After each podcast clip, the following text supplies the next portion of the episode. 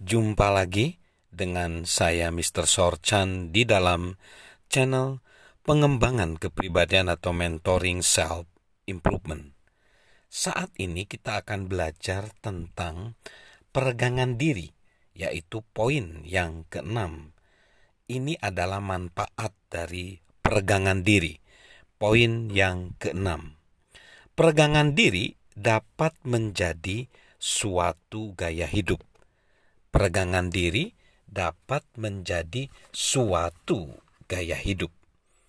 Sewaktu kita berhenti meregangkan diri, John C. Maxwell percaya bahwa sesungguhnya kita telah berhenti hidup. Kita mungkin masih bernapas, organ-organ vital masih menunjukkan tanda-tanda kehidupan, namun kita telah mati di dalam dan mematikan kemungkinan terbesar kita.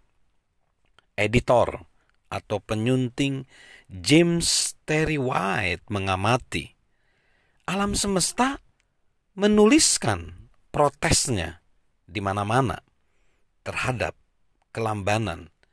Segala sesuatu yang berhenti berjuang, yang tetap diam, akan segera mengalami kemunduran. Perjuangan menuju bentuk ideal, upaya terus-menerus untuk semakin tinggi dan semakin jauh, itulah yang membuat kedewasaan dan karakter berkembang. John C. Maxwell semakin tua. Dia tidak dapat terus-menerus memberikan performa puncak. Tetapi John tetap bertekad untuk terus membaca, mengajukan pertanyaan, bercakap-cakap dengan orang-orang yang menarik, bekerja keras, dan memperhadapkan diri John dengan pengalaman-pengalaman baru sampai John mati. Ada terlalu banyak orang yang udah mati, hanya belum meresmikannya. Rabi Nahman dari Brabslav mengatakan, jika besok Anda tidak lebih baik dari hari ini, lalu untuk apa Anda membutuhkan hari esok? John C. Maxwell menolak untuk berhenti bertumbuh. Kata-kata berikut ini merangkum apa yang dirasakan oleh John. Aku belum berada di tempat yang seharusnya. Aku belum berada, belum menjadi pribadi yang seharusnya. Tetapi aku juga bukan aku yang sebelumnya. Aku belum belajar cara untuk tiba. Aku baru saja belajar cara untuk terus melangkah. John akan terus meregangkan diri sampai dia tidak dapat diregangkan lagi.